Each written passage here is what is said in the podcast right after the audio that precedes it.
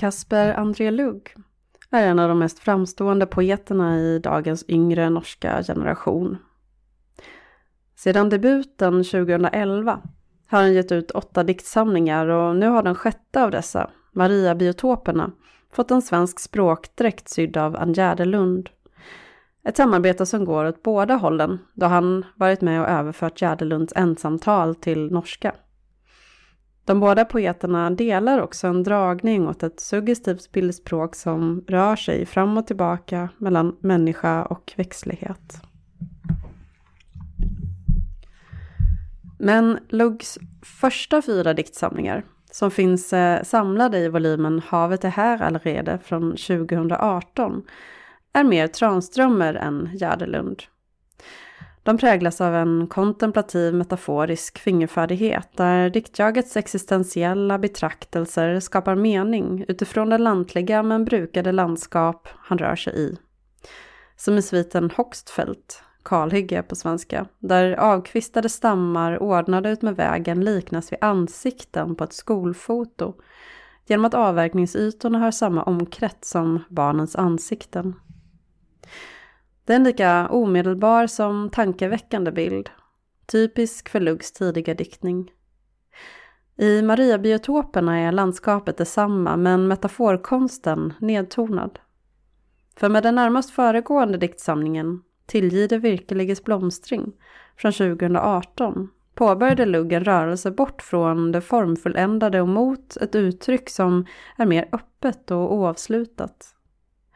Från dikt som serverar läsaren en vackert paketerad visdom mot en poesi som kräver att läsaren själv rör sig runt i bilden och skapar mening utifrån sina egna förutsättningar. Det är, liksom Luggs tidigare produktion, en tunn bok. Knappt 40 korta, titellösa dikter som sträcker sig från två rader till en halv sida. Små bokstäver, inga punkter, inga kommatecken. De enda skiljetecken som förekommer är frågetecken. Dikten liksom trevar sig fram, spörjande i sin framtoning. Lugg har själv sagt att han ser på poesin som en kombination av retorik, tillit och oigenkännlighet. Och om emfasen i det tidiga författarskapet ligger på det retoriska är det en mer öppen blick på det främmande som framhävs i Maria-biotoperna. Diktjaget har här bytt ut mitt nästan lika, mitt människolika, mot en vegetativ bön.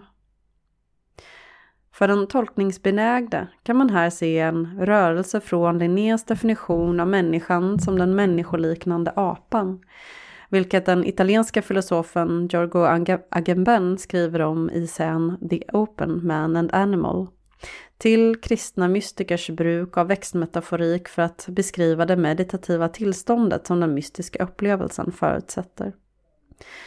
Luggs skrivande har sedan debuten präglats av en kontemplativ kristen tradition.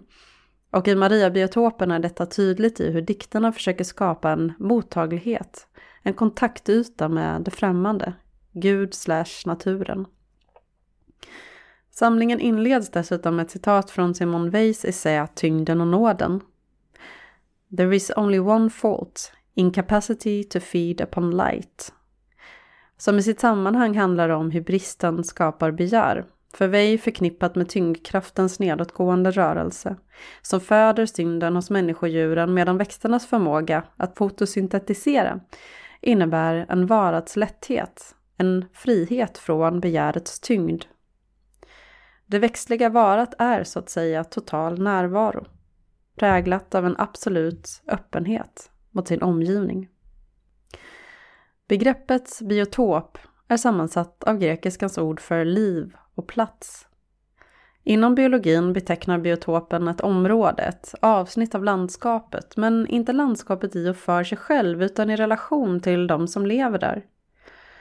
Titeln på diktsamlingen pekar mot en sammanflätning av ekologi och katolicism som präglar eh, samlingen. När Lugg beskriver sina dikter som biotoper, som läsaren kan vandra runt i, anger det en syn på poesin som betonar språkets sinnlighet och ambivalenta öppenhet snarare än dess kommunikativa sida. Det finns egentligen inget att förstå här, inget att avkoda och tolka, verkar han säga. Kanske har Lugg läst Agamben, kanske inte. Kanske är han bekant med växtfilosofer som Michel Marder och Simon Kotva, kanske inte. Men eftersom dessa namn är en del av min referensram bär jag med mig dem in i läsningen av Maria Biotoperna. Dikterna kräver inte en sån tolkande läsning. De är i första hand menade att upplevas, medlevas och skapa utrymme för reflektion. De är små närvaroskapande maskiner. Och som sådana fungerar de väl. Efter att ha läst Maria-biotoperna blev jag plötsligt mer medveten om min omgivning, om mina händer, mitt barns ansikte, trädens fuktglänsande stammar och dimman över vattnet. Men samtidigt blir det tydligt att dikterna rymmer sin egen lilla filosofi, eller kanske det lillas filosofi, som tål en exeges. Detta är en av de grejer jag gillar bäst med poesi. När den fungerar som en trasa för sinnets smutsiga fönster och återger skarpa konturer åt de vardagliga tingen. Steinar Opstad beskriver i efterordet till Havet är här allerede Luggs poesi som en trapp ned till en älv där man kan sitta och meditera över sitt liv och över vattnet som virvlar iväg. Men i Mariabiotoperna ruckar Lugg en aning på denna idealiserade bild av ett meditativt tillstånd. Myllret av insekter och kryp blir oläsligt.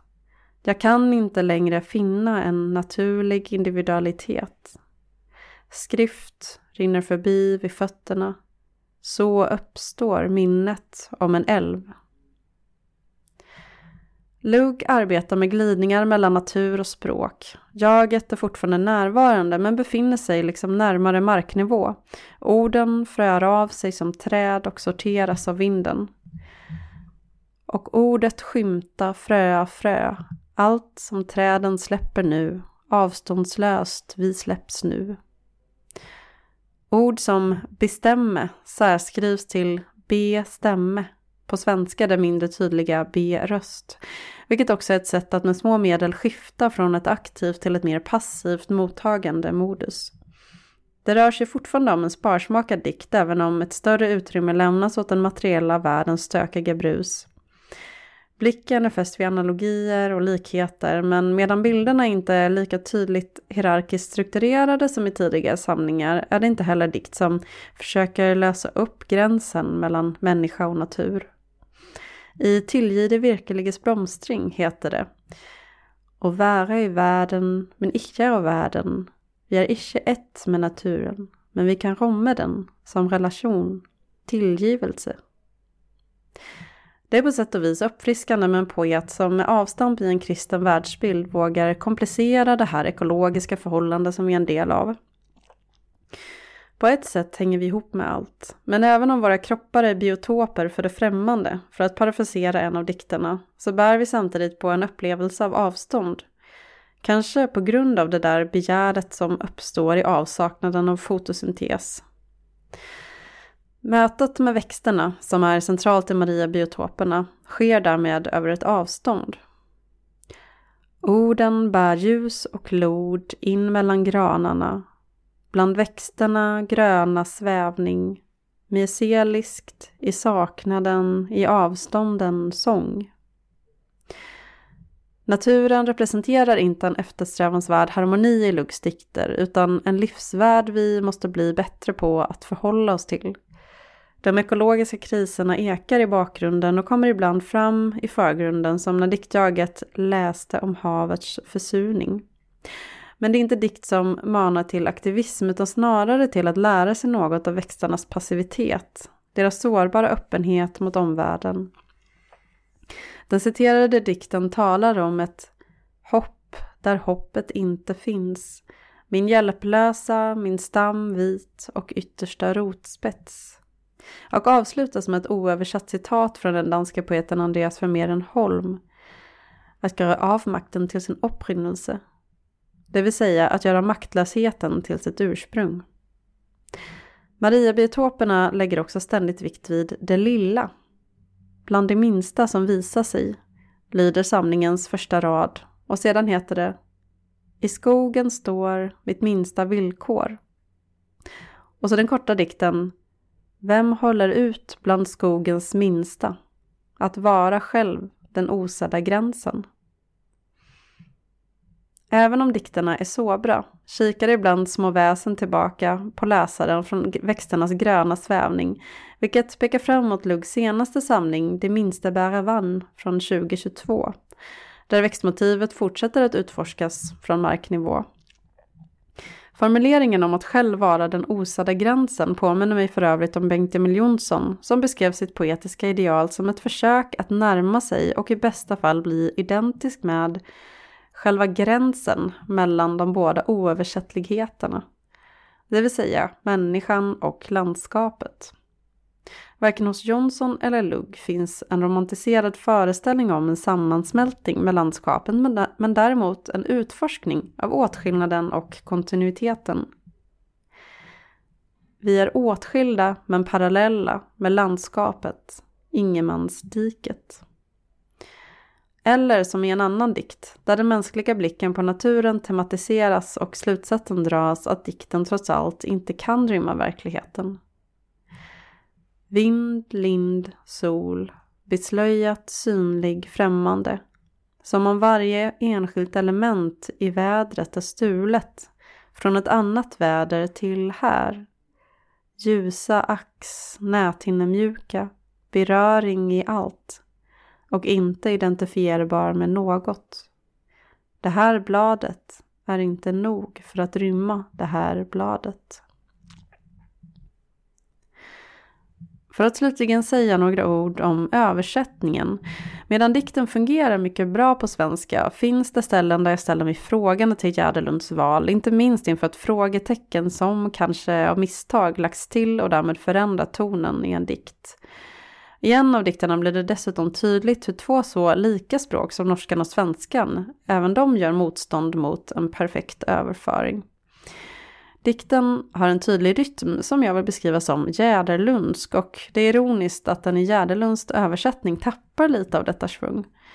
Det är framförallt i de sista raderna som detta händer.